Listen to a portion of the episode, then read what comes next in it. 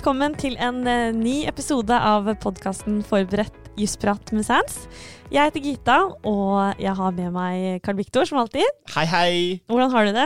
Jeg har det ganske greit. Ja. Ja, Men, eh, Til tross for. til tross for koronatiltak og nedinnstramninger og alt mulig. Men eh, ja, Vi, kan, vi skal komme oss igjennom 2020, dere. Ja da. Hva skal vi snakke om i dag, Carl Viktor? Du, I dag så skal vi snakke om et uh, veldig spennende rettsområde. Det er EU-rett og EØS-rett. Eh, Og da har vi jo med oss en, eh, en ekspert. Ja, og det er jo deg, Lennart Garnes. Hei, hei. Jo, takk. Eh, Aller først er jo grunn til å si uh, takk for å få lov til å være med på en, eh, en sånn flott og informativ podkast. det er jeg veldig glad for. I tillegg vil jeg jo si at jeg, før jeg, kommer si litt om meg sjøl, at, at vi alle vi eh, tre kan jo være nokså stolte av at vi påtar oss ei så stor oppgave som å eh, å eh, dekke et helt rettssystem i løpet av ei eh, podkastepisode. Så litt om meg sjøl, da. Eh, Navnet er jo allerede blitt sagt, og jeg er altså da advokat her i Sands og har vært det i ca. åtte år. Og hele tida har jeg jobba i vår faggruppe for EU, EØS og konkurranserett, der vi eh, der hverdagen rett og slett består av å jobbe med slike problemstillinger som vi skal snakke om i dag. Både fire fridommer, eh, som er jo, er jo veldig praktisk, og som vi ofte er borti, i tillegg til konkurranserett og, og statsstøtte, som også er veldig praktiske EØS-rettslige disipliner. Før jeg kom hit uh, til Sands, så, så var jeg knappe tre år i Brussel i EFTA sitt overvåkingsorgan ESA. Og um, der jeg da jobba i indremarkedsavdelinga der, og, og jobba da typisk med, med fire uh, fridomsrelaterte problemstillinger Uh, og, og transport. Og, uh, og, og før det så jobba jeg bl.a. i eh, Samferdselsdepartementet, der jeg også for en stor del håndterte EØS-rettslige problemstillinger. Så dette er eh, midt i blinken for deg, eh, Lennart.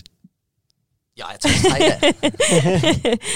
Eh, vi kan jo starte ganske overordnet i dette faget her. Hva er EU-samarbeidet?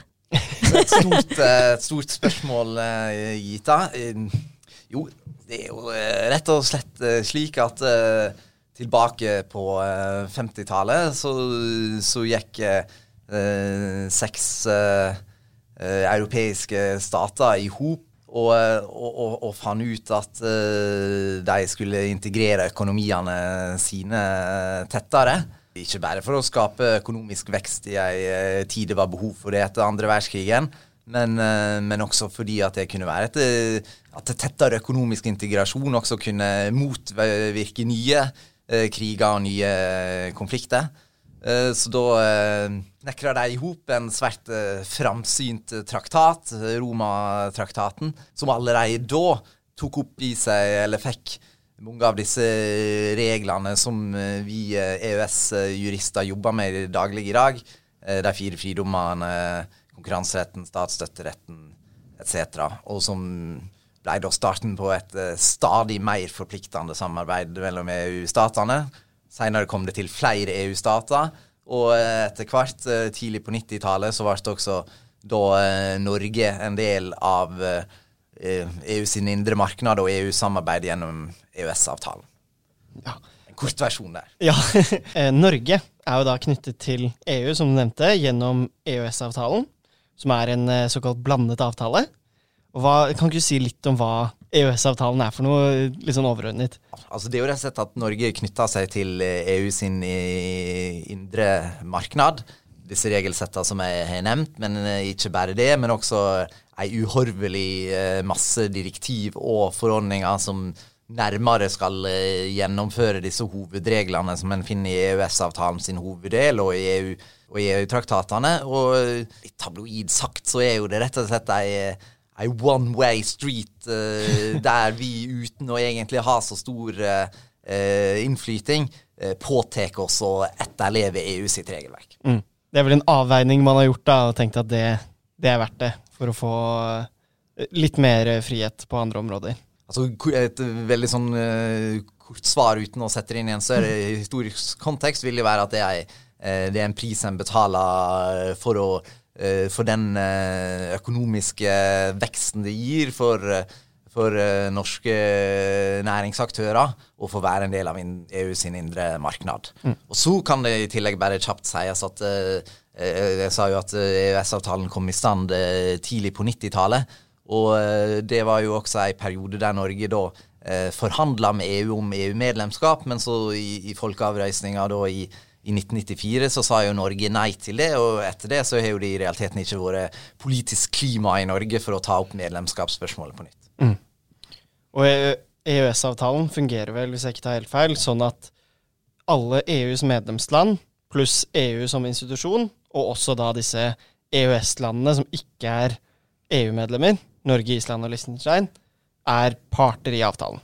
Det, det er helt korrekt. Og når du i stad uh, brukte det flotte omgrepet 'blanda avtale', uh, så, så henspeiler jo det nettopp eh, på det at både EU, som er et folkerettslig subjekt i seg sjøl, og, og, medlemsstatene er parter i avtalen. Eh, men, så jo, men, så viser jo det også til at når, eh, når da ny EU-lovgivning eh, blir tatt inn i EØS-avtalen, den såkalte sekundærlovgivninga, direktivforordninger og, og, og avgjerdevedtak, da er jo det EU som organ, eh, eller som, som, eh, som folkerettslig subjekt, som er med part uten at en blander inn medlemsstatene ja, i de avgjørende da, som den såkalte EØS-komiteen treffer når nye, nytt regelverk blir tatt inn i avtalen. Mm. Hvis vi skal gå litt videre til jussen her, mm. så trenger vi jo for, å, for at det skal bli noe juss, så trenger vi jo noen eh, rettskilder. og hvilke rettskilder er det vi snakker om i EU-retten? Jo, eh, vi har jo allerede egentlig foregrepet litt i, i, det vi har sagt. Vi, vi, vi viste til eh, EU sine traktater, eh, som, som eh, da eh, har vært endra flere ganger eh, opp gjennom åra. Og i dag så, så har han to sentrale traktater. traktaten om Den europeiske union og traktaten om den europeiske unions virkemåte, som det så folkelig heter. og, og, og, disse traktatene da, de inneholder jo disse her eh, praktisk, eh, praktisk viktige næringsregulerende reglene som vi viste til i stad. Fire fridommer, konkurranseretten, statsstøtteretten. Men ikke bare det. I tillegg så er jo de også da EU sine, eh, sine grunnlover ved at de regulerer forholdet mellom institusjonene, de regulerer hvordan ny lovgivning blir til. EØS-avtalen sin hoveddel er jo det vi på en måte kan sammenligne EU-traktatene med. Og EØS-avtalen sin hoveddel speiler jo da den daværende, et godt stykke på vei, EF-traktaten slik den var i, i 1992, da EØS-avtalen ble eh, vedtatt, men uten å ta opp i seg en del politikkområder som allerede da eh, faller utafor, som, som eh, landbrukspolitikk, eh, fiskeripolitikk, det at EØS-samarbeidet ikke er en tollunion. I tillegg da til traktatene, så, så, så har jo da vil jo enda EU-systemet, og det skal vi jo komme mer tilbake til, vil jo kunne vedta såkalt sekundærlovgivning med alle eh, disse traktatene, direktiver og forordninger med mer. Og det har vi jo også i EØS, ved at slike blir, blir tatt inn i EØS-avtalen basert på en særskilt prosedyre, som vi kan si litt mer om seinere. Og, og, og likeens er jo da rettspraksis fra, fra høvesvis EU-domstolen og, og, og EFTA-domstolen eh, sentrale kjelder i, eh, i, begge eh, rettsordnene. En sammenligning mot nasjonalrett mellom da på den ene sida EØS-retten og nasjonalrett eh, kan jo kanskje være på sin plass i en slik sammenheng. Og, og, og da er det verdt å nevne at norske jurister med utdanning fra Norge og Norden generelt er jo veldig vant til å bruke såkalt lovforarbeid når en skal tolke regelverket f.eks. proposisjoner fra, fra mm. regjeringa til Stortinget som forklarer hva som er intensjonen og tenkt innhold i lovgivninga. Det vil en ikke ha på, på akkurat samme måte i, uh, i EU-systemet. Uh, eh, men, men, der vil derimot domstolene da gjerne legge stor vekt på de formålsforklaringene som vil ligge i regelverket sin såkalte fortale. Ja, så formålsbetraktninger får stor vekt da, i EU-retten og i EU-domstolens praksis, f.eks. Helt klart. Helt klart. Det leder oss jo over, litt over til eh, dette med at EU-domstolen har jo utviklet eh, etter hvert eh, Man sier at det er noen sånne grunnleggende prinsipper man styrer etter. Hva, hva er det for noe?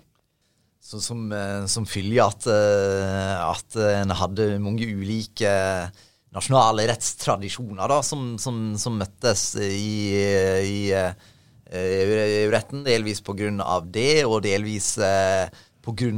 Eh, at en ønsker å sikre EU-rettens si gjennomslagskraft eh, i, i, forholdet til nasjonal rett. Så, så er han både da delvis i traktaten gjennom det såkalte lojalitetsprinsippet, og, og i, i, rettspraksis utvikla eh, en del da sentrale prinsipp for å sikre ja, gjennomslagskrafta til EU-retten. Et traktatfesta prinsipp som vi finner da både i EU-traktaten eh, og i EØS-avtalen, eh, e er jo det såkalte lojalitetsprinsippet, da, som, som, rett og slett, eh, litt tabloid sagt, krever at medlemsstatene i EU og EØS-statene skal gjøre alt som med rimelighet kan kreves av deg, og med, med urimelighet kan kreves av deg, for å for å, å sikre EØS-retten sitt, sitt, eh, sitt, gjennomslag. Og det har jo både liksom ei aktiv side, at de skal treffe aktive åtgjerder i så måte, men, men også ei passiv side, at de skal avstå fra å, å, å gjøre eh, Agere på en måte som vil, vil svekke uh, eh, EØS-retten sin, sin, effektivitet. Mm. Og ut fra det, det traktatfesta lojalitetsprinsippet så, så, så har han mellom da, han da ut, utleier ekvivalensprinsippet og effektivitetsprinsippet. For ekvivalensprinsippet sin del eh, sier at, at krav eh, og rettigheter utleier da fra eh, EØS-retten, for å sette det inn i en norsk eh, kontekst, ikke skal stille seg eh, dårligere eller ikke skal ha dårligere vern, typisk opp i prosessuell og saksbehandlingsmessig sammenheng enn en tilsvarende norske situasjoner. Mm. Effektivitetsprinsippet skal jo da uh, sikre uh, et effektivt vern av EØS-rettslige rettigheter. Og et praktisk eksempel på at effektivitetsprinsippet i høyeste grad har praktisk realitet, kan jeg jo egentlig hente fra ei, ei, ei sak vi, vi for tida er involvert i der vi på, på vegne av et, et reinbeitedistrikt har klaga til ESA og uh, sagt da at norske uh, styresmakter sin bruk av forvaltningslova sin paragraf 41 uh, til å si at eh, manglende konsekvensutgreiing pålagt av eh, to EU-EØS-direktiv eller sagt på en annen måte, altså at han vi på vegne av reinbeitedistriktet hevder da at det EØS-rettslige effektivitetsprinsippet krever at han ikke kan se bort ifra plikta til å gjennom den direktivfesta mm. plikta til å gjennomføre konsekvensutgreiing bare under tilvisning til den norske forvaltningsrettslige regelen i, eh, i forvaltningslova sin paragraf 41, som da sier at hvis det ikke er grunn til å tro at feilen har hatt innvirkning på resultatet, så kan en se vekk ifra saksbehandlingsfeilen. Mm. Og, og, det er jo en argumentasjon vi, vi, vi eh, da, da henter fra eh, egentlig relativt utstrakt EU-domstolspraksis, som nettopp basert på lojalitetsprinsippet opphavlig, men, eh, men det, som da effektivitetsprinsippet igjen er forankra i, har sagt at uh, selv om da disse aktuelle direktiva ikke egentlig stiller krav til prosessuelle konsekvenser av manglende konsekvensutgreiing i det eh, tilfellet her, og selv om en også i EØS-retten opererer med et utgangspunkt om såkalt prosessuell autonomi for medlemsstatene, når, når det ikke er spesifikt regulert av EØS-retten, ja, så, er, så stiller EØS-retten likevel eh, krav om eh, tilstrekkelig effektiv gjennomføring av, eh, av regelverket. Jo, og da, da argumenterer jo vi, da, på, på vegne av, av eh, reinbeitedistriktet, at eh, akkurat på det området her, der disse aktuelle EU-direktiver på miljøområdet stiller krav om at det skal gjennomføres eh, eh, konsekvensutgreiing før, eh, før slike infrastrukturutbygginger, ja, så kan en ikke bruke da den her eh, forvaltningslova sin paragraf eh, 41 eh, til å sette til side det kravet. Uavhengig av eh, da eh, hvorvidt eh, konsekvensutgreiing eller ikke ville ha hatt innvirkning på det, på det endelige utfallet eller resultatet. Du er litt inne på det uh, nå, men hva, hva skjer dersom nasjonal rett står i motstrid mot EU-retten?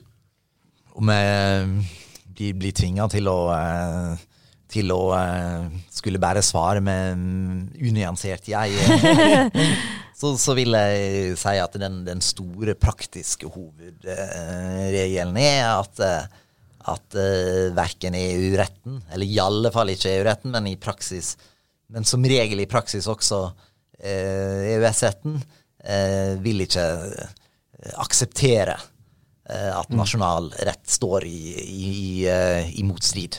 Så om eh, studentene skal, skal huske på én eh, praktisk operativ hovedregel, så er det det at eh, nasjonal rett nesten alltid, til sjuende og sist, må eh, vike for EØS, nei, for EU-EØS-retten, da, eller for EØS-retten, for å være, være presis her. Men det er jo eh, Hvis en da eh, på en måte går litt bak den eh, litt sånn tabloide formuleringer av en slags praktisk eh, hovedregel, så, så er jo her flere eh, nyanser som kan være verdt å, å nevne.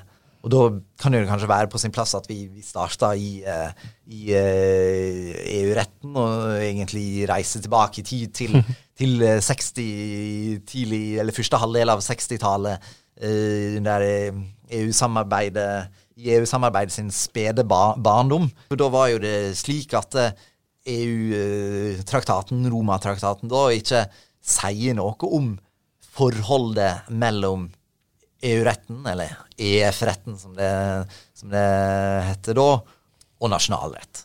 Men eh, EU-domstolen så jo tidlig at dersom EU-retten skal eh, virkelig skal få gjennomslag, så, må en avklare forholdet til, til nasjonal rett. Og eh, i ei, eh, ei, ei sak da tidlig på 60-tallet som, som, som opphavlig Og det er jo egentlig ikke så, så relevant i den uh, sammenhengen her. Uh, gjaldt vel liksom nasjonale regler om skatteklassifisering av, av kjemikalier uh, i, i Nederland. så, så utvikla, eller så knesatte da EU-domstolen det, det såkalte forrangsprinsippet i Costa-saka. Det, det er rett og slett, kort fortalt, EU-domstolen sa at, uh, at uh, nasjonal rett må stå tilbake for EU-retten i tilfelle motstrid. Mm. Og forrangsprinsippet har jo Det omtales jo ofte sånn at forrangsprinsippet og dette prinsippet om direkte virkning, de utfyller hverandre litt. Hva, hva vil det si?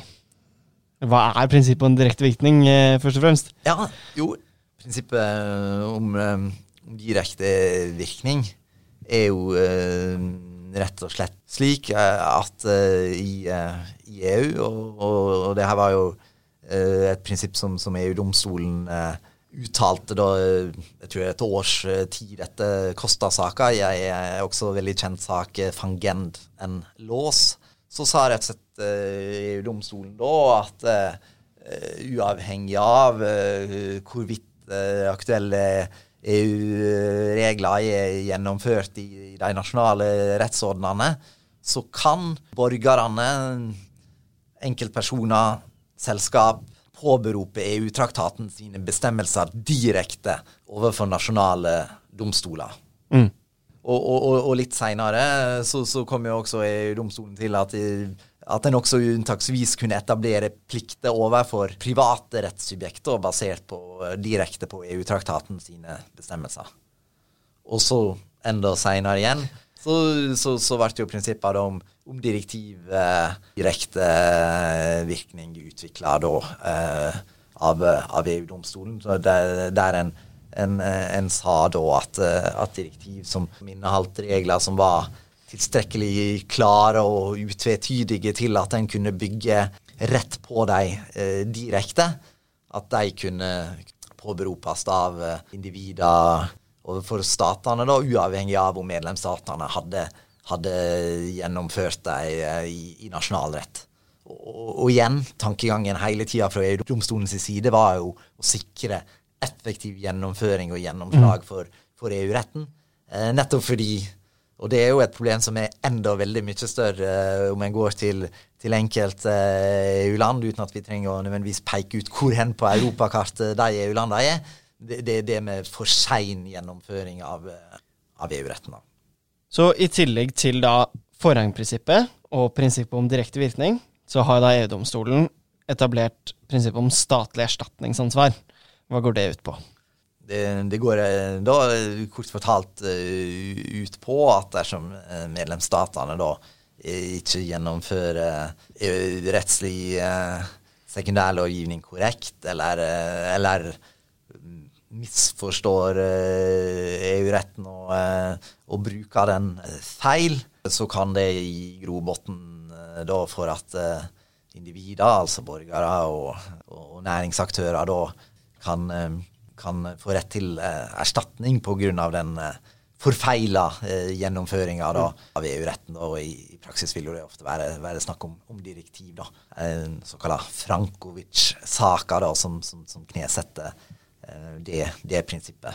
Som jo også da har en eh, eller har fått sin, sin eh, parallell da i, i EØS-rettssfæra, etablert gjennom den såkalte Sveinbjørnsdottir-saka, der EFTA-domstolen sa da at dersom medlemsstatene da ikke hadde gjennomført et, et direktiv korrekt, og de aktuelle direktivbestemmelsene som en ikke hadde greid å gjennomføre korrekt, var tilstrekkelig klare og utvetydige til at en kunne bygge rett på dem eh, direkte, ja, så, eh, så, kunne staten da bli erstatningsansvarlig da, for det økonomiske tapet den feilgjennomføringa har påført eh, det aktuelle individet.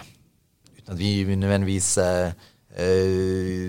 går inn på, på, på, det her nå, så er jo det da visse skilnader da mellom eh, erstatningsansvaret sitt innhold i EU-retten kontra EØS-retten, som kan mm. være greit å være oppmerksom på. Mm.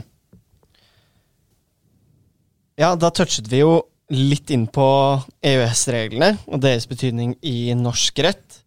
Eh, og der er det jo sånn at EØS-avtalens hoveddel er jo gjennomført i norsk rett eh, følge EØS-loven paragraf 1, at den gjelder som norsk rett. Men eh, hva kan vi si om eh, resten av EØS-retten? Hvordan forholder den seg til eh, norsk rett? Som, som, vi var egentlig litt inne på innledningsvis da vi, vi tok den tabloide versjonen. Så, så, så, er jo det da eh, slik at eh, på bakgrunn av en, en, en særskilt eh, bestemmelse i EØS-avtalen i protokoll 35, så blir jo det i utstrakt grad eh, kravd at eh, en i eh, nasjonal eh, rett skal etablere et forrangsprinsipp for eh, da EØS-rett som er gjennomført i, i nasjonal mm. rett. Og det, den EØS-rettslige forpliktelsen som påhviler Norge, har jo da fått sitt uttrykk i EØS-lova sin paragraf to. Mm. Um, og, og, så er jo det da ulike eh, nyanser i den eh, bestemmelsen som vi ikke nødvendigvis, eh, som kanskje tida ikke vil tillate å gå, gå inn på. Men om en skal liksom trekke opp hovedlinje, så, så, er jo det at Så vil jo det også være slik da i, i forholdet mellom EØS-rett og nasjonalrett at EØS-retten eh, vil, eh, vil ha forrang, både formelt og som regel alltid i praksis. Og i praksis så vil jo, vil jo det forrangsprinsippet eh, for en stor grad bli blir understøtta eh, gjennom at en eh, forsøker da å eliminere eventuell motstrid tolkningsveien. Ja. Da eh, vil jo han fra, fra EFTA-domstolen sin eh, praksis eh, Først eh, Karlsson-saka, altså vel ei, seinere sak, straffesak mot A. Så har jo EFTA-domstolen i realiteten da eh, pålagt eh, alle nasjonale styresmakter da å, søke å, tolke nasjonal rett så, så langt mulig i samsvar med, med EØS-retten. da. Og eh, det har jo også da eh, Høyesterett eh, slutta seg til, og, sagt at, eh, og egentlig sagt at det, presumsjonsprinsippet da, som gjelder i forholdet mellom folkerett generelt og, og norsk rett, eh, da eh, selvsagt også gjelder eh, for, fortolkning av eh, EØS-regler, og at det i realiteten egentlig eh, Altså at prinsippet om EØS-konform tolkning og presumpsjonsprinsipp egentlig er det i realiteten er det samme praktiske eh, innholdet.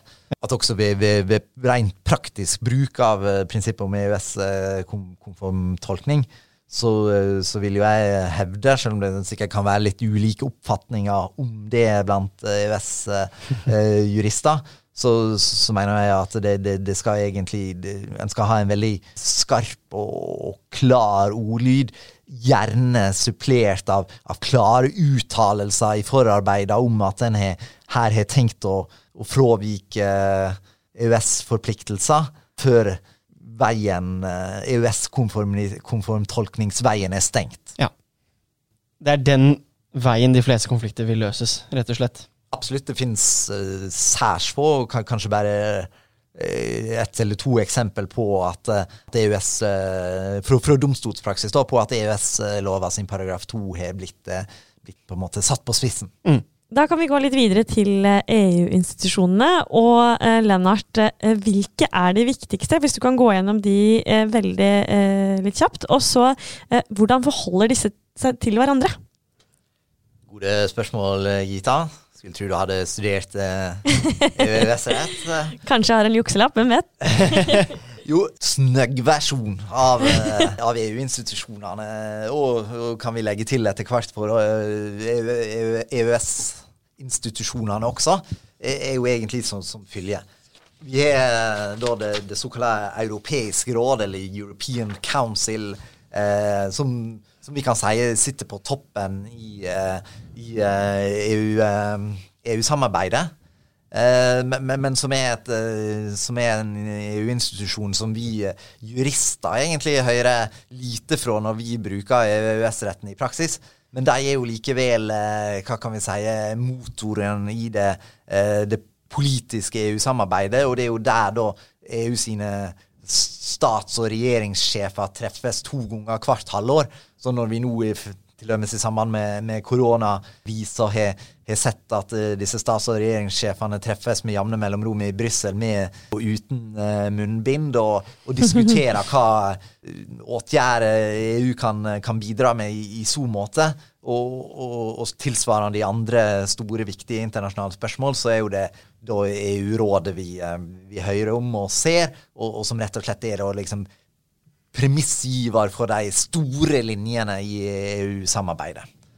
Og Så kan vi da, da gå videre til, til, rådet, da, som også er på en måte medlemsstatene sin eh, institusjon. Der de til, til enhver tid vil møte med den aktuelle eh, ministeren. Og, og, og, rådet, som vi skal komme litt tilbake til eh, når vi skal snakke om lovgivningsprosessene om et lite øyeblikk, Eh, spiller jo eh, fremdeles en særs viktig rolle der, selv om de tidligere hadde enda mer å si eh, i lovgivningsprosessene den tida EU-parlamentet hadde, hadde, mindre makt. Mm. Så har vi, eh, vi EU-kommisjonen, som eh, er et stort og, og mangslunget apparat på, på, på veldig mange vis som vi skal komme tilbake til, spiller de en svært sentral rolle i uh, lovgivningsarbeidet. Men, uh, men, i tillegg, det EU-organet som, som, passer på at medlemsstatene da etterlever EU-retten. Tilsvarende slik uh, ESA passer på at Norge, Island og Liechtenstein eh, etterlever EØS-retten.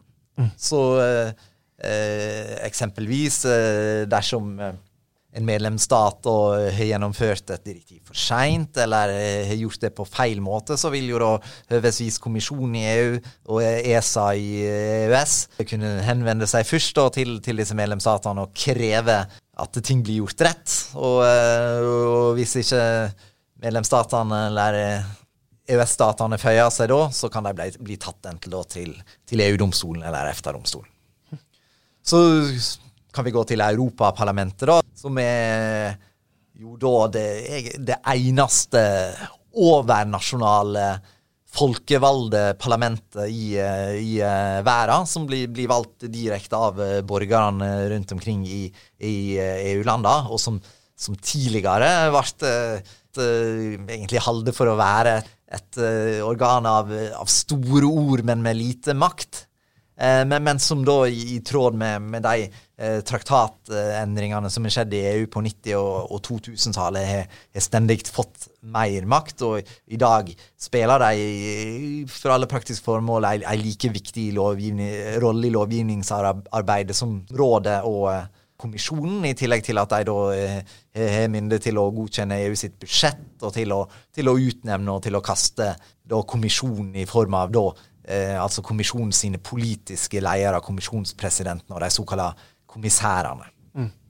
Og så EU-domstolen, da, som jo er kanskje det, den EU-institusjonen som, som, veldig mange jurister eh, først og fremst stifta eh, bekjentskap med i, i form av EU-domstolen sin, sin mangslungne og, og, store rettspraksis, og som da eh, har blitt så kjent for si eh, rettsskapende virksomhet, som vi jo da allerede har prata mye om i dag, ved at de har utvikla uh, ulike eh, prinsipp for å sikre EU-retten sitt gjennomslagskraft.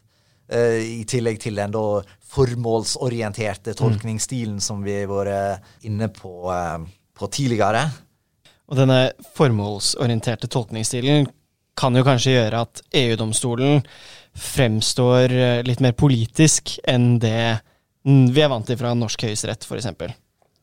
Absolutt. Absolutt. Og det er jo i tillegg til det vi allerede har nevnt, også sammenheng med, da, og delvis med større eller mindre forankring i EU-traktaten, så, så, så, er jo da den EU-domstolen Vil jo den gjennomgående, eller nesten alltid iallfall, velge den tolkningsløsninga som, som best sikrer såkalt europeisk integrasjon, mm. og som sikrer et stadig tettere samarbeid. Ja.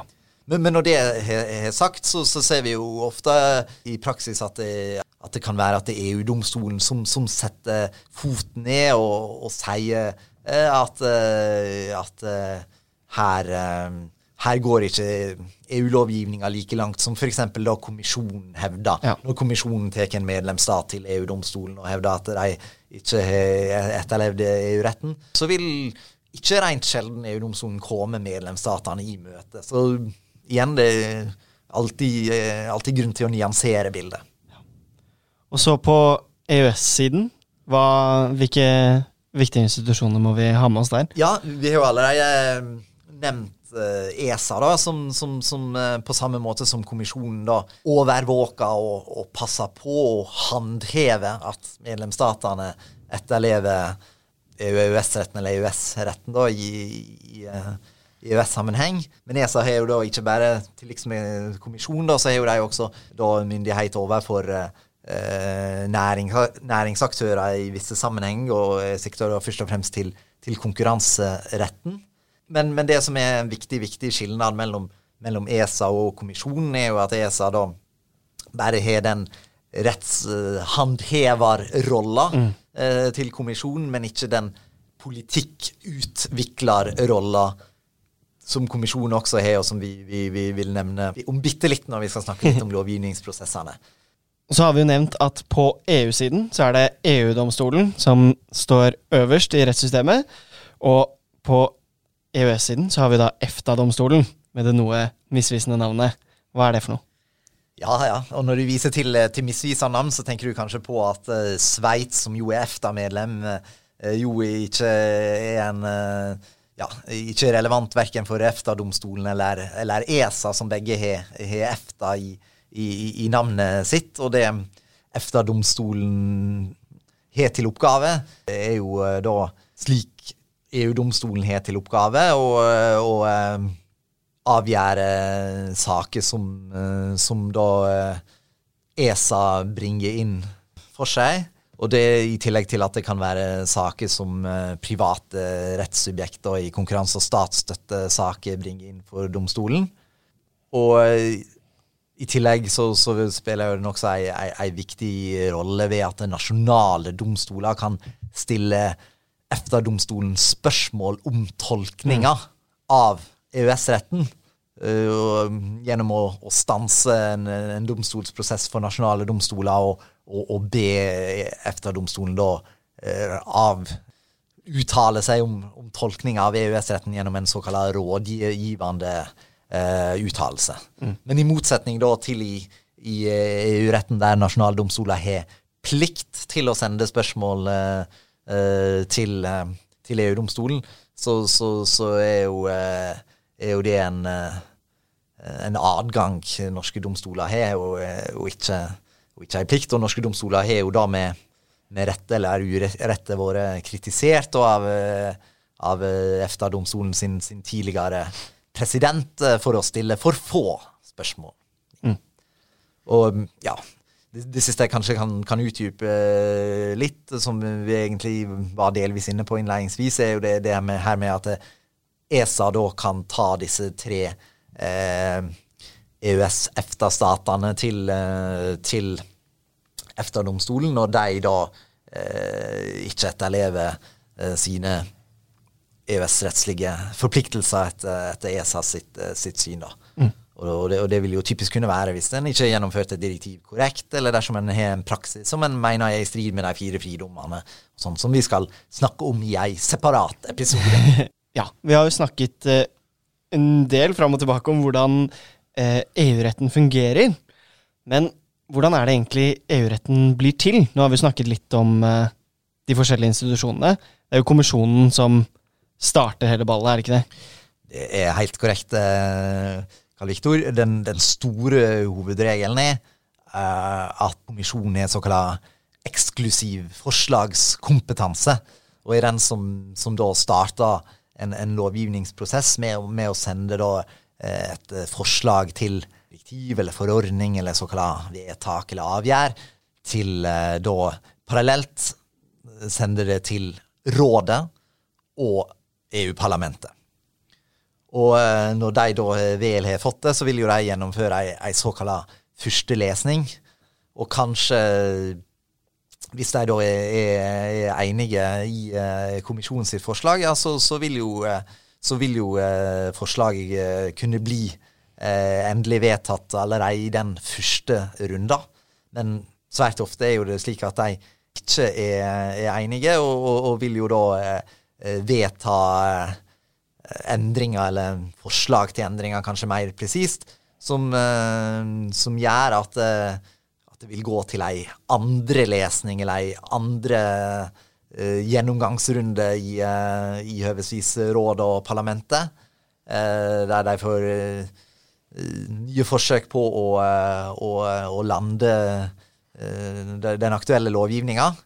Og hvis det da etter den andre runda heller ikke har blitt full enighet om, om innholdet i lovgivninga, så vil det bli iverksatt en såkalt forliksprosedyre, der da eh, de vil ned eh, der representanter fra kommisjonen, rådet og eh, parlamentet vil, vil møtes og, og framforhandle et, et, et, forslag da, som vil gå til ei slik tredje runde i råd og parlament. Og, og hvis de da, trass alle disse rundene, ikke da blir enige, så, så, så, så, vil det ikke bli noe av den, den lovgivninga, og en eventuelt må, må starte fra, fra, scratch igjen med, med at uh, kommisjonen må gå tilbake til tegnebrett og eventuelt komme med et nytt, uh, nytt forslag som vil, vil bli handsama fra, fra starten av. Mm. Men si da at man uh, har blitt enig på et eller annet av disse her stegene i prosessen, og har vedtatt en eller annen ny direktiv, forordning, i eh, Eller hva det skulle være, i EU, så er det jo ikke sånn at det umiddelbart blir en del av EØS-avtalen. Hvordan skjer det?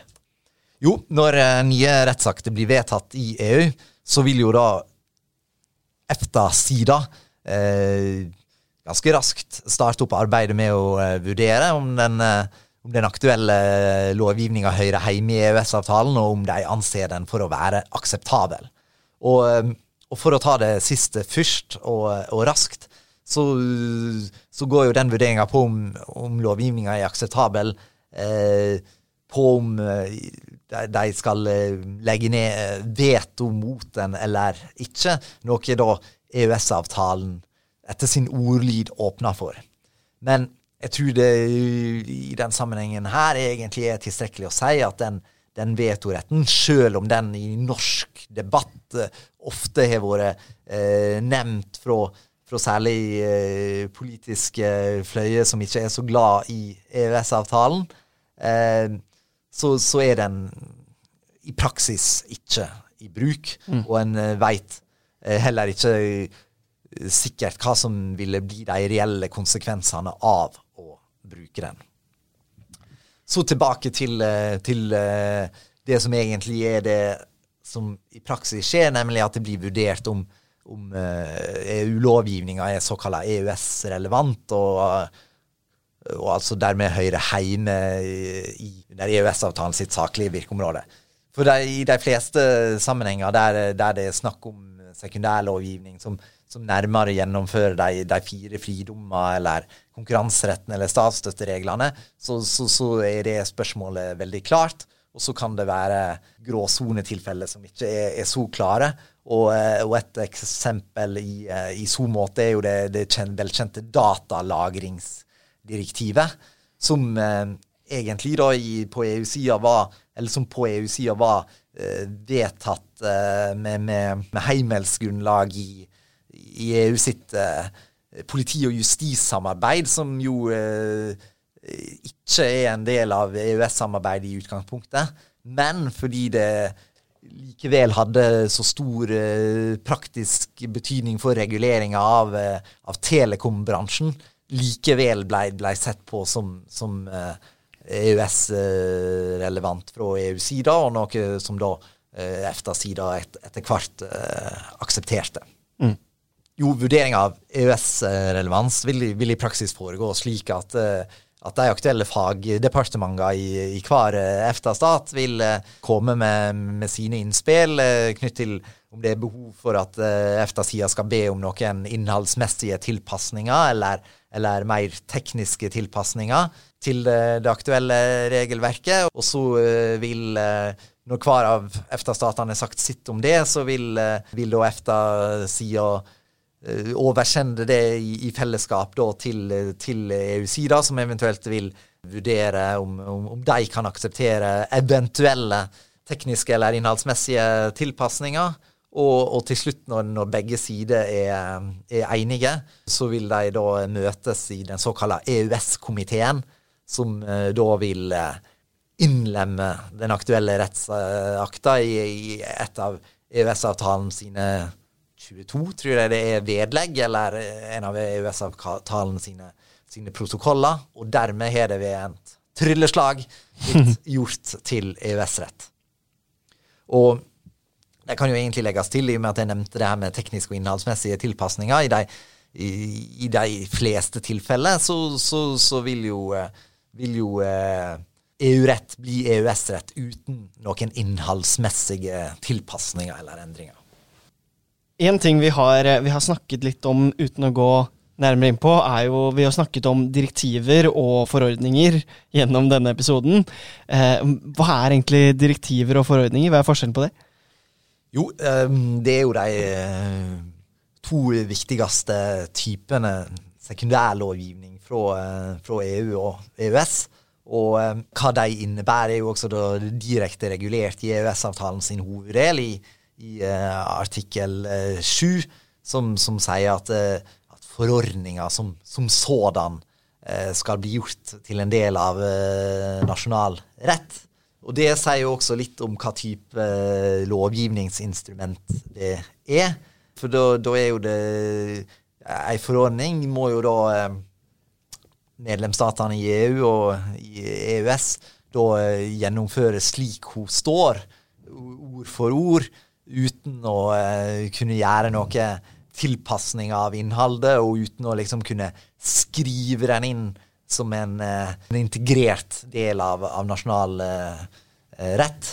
Uh, da i, i, motsetning til direktiv, som uh, en egentlig kan si bare representerer en forpliktelse for medlemsstatene og EØS-statene til å gi regelverket av et særskilt innhold. Mm.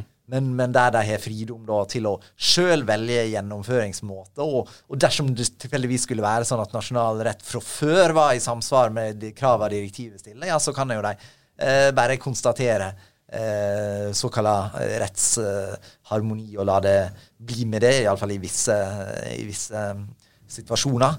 Så, men, men, der er det da altså slik at en kan bake de kravene direktivet stiller til innhold i nasjonal lovgivning, inn i, i nasjonale lovgivningsinstrument, i lover og, og, og, forskrifter, slik at det, det, i realiteten, ved å bare lese disse nasjonale forskriftene eller lovgivninga, uh, ikke framgår at det er i realiteten er EØS-rett som her, her er gjennom, uh, gjennomført. da. Det er jo et eh, eksempel som mange sannsynligvis har vært borti, kan jo f.eks. For være forbrukerkjøpsloven, som fremstår jo som en eh, ordinær norsk norsk kjøpslov, men som bygger da på EU-direktiver om forbrukervern i, i bunn og grunn. Og det som en lett kan glemme, som det ville jo føre veldig langt av sted hvis vi skulle gå, gå, gå djupt inn på, er jo at, at utfordringa da vil jo være at når en da eh, tolker, disse, disse, nasjonale eh, gjennomføringsreglene, så vil det ikke nødvendigvis være eh, rett å, å, bruke ei nasjonaljuridisk eh, tolkningstilnærming til, til mm. disse, disse, reglene, selv om de framstår som, som, som rent nasjonalrettslige. Skal han egentlig komme fram, komme fram til det korrekte meningsinnholdet i dem, ja, så, så må han eh, bruke EØS-rettslig tolkningsmetode. Og, og, der vil jo da både ja, norsk forvaltning vil jo fra tid til annen trø feil, og, eh, og, kanskje både advokater og jusstudenter som gir seg i kast med disse bestemmelsene, ofte vil, vil overse da eh, det, det aspektet. Ja, da har vi prata godt om EU- og EØS-retten. Eh, vi skal fortsette med deg, Lennart, eh, i neste episode. Der vi skal eh, ta for oss de fire friheter. Så det er egentlig bare å trykke på neste episode for deg der ute. Så snakkes vi da. Ha det bra. Lennart? Takk for i dag. Ha det bra. Vel møtt igjen.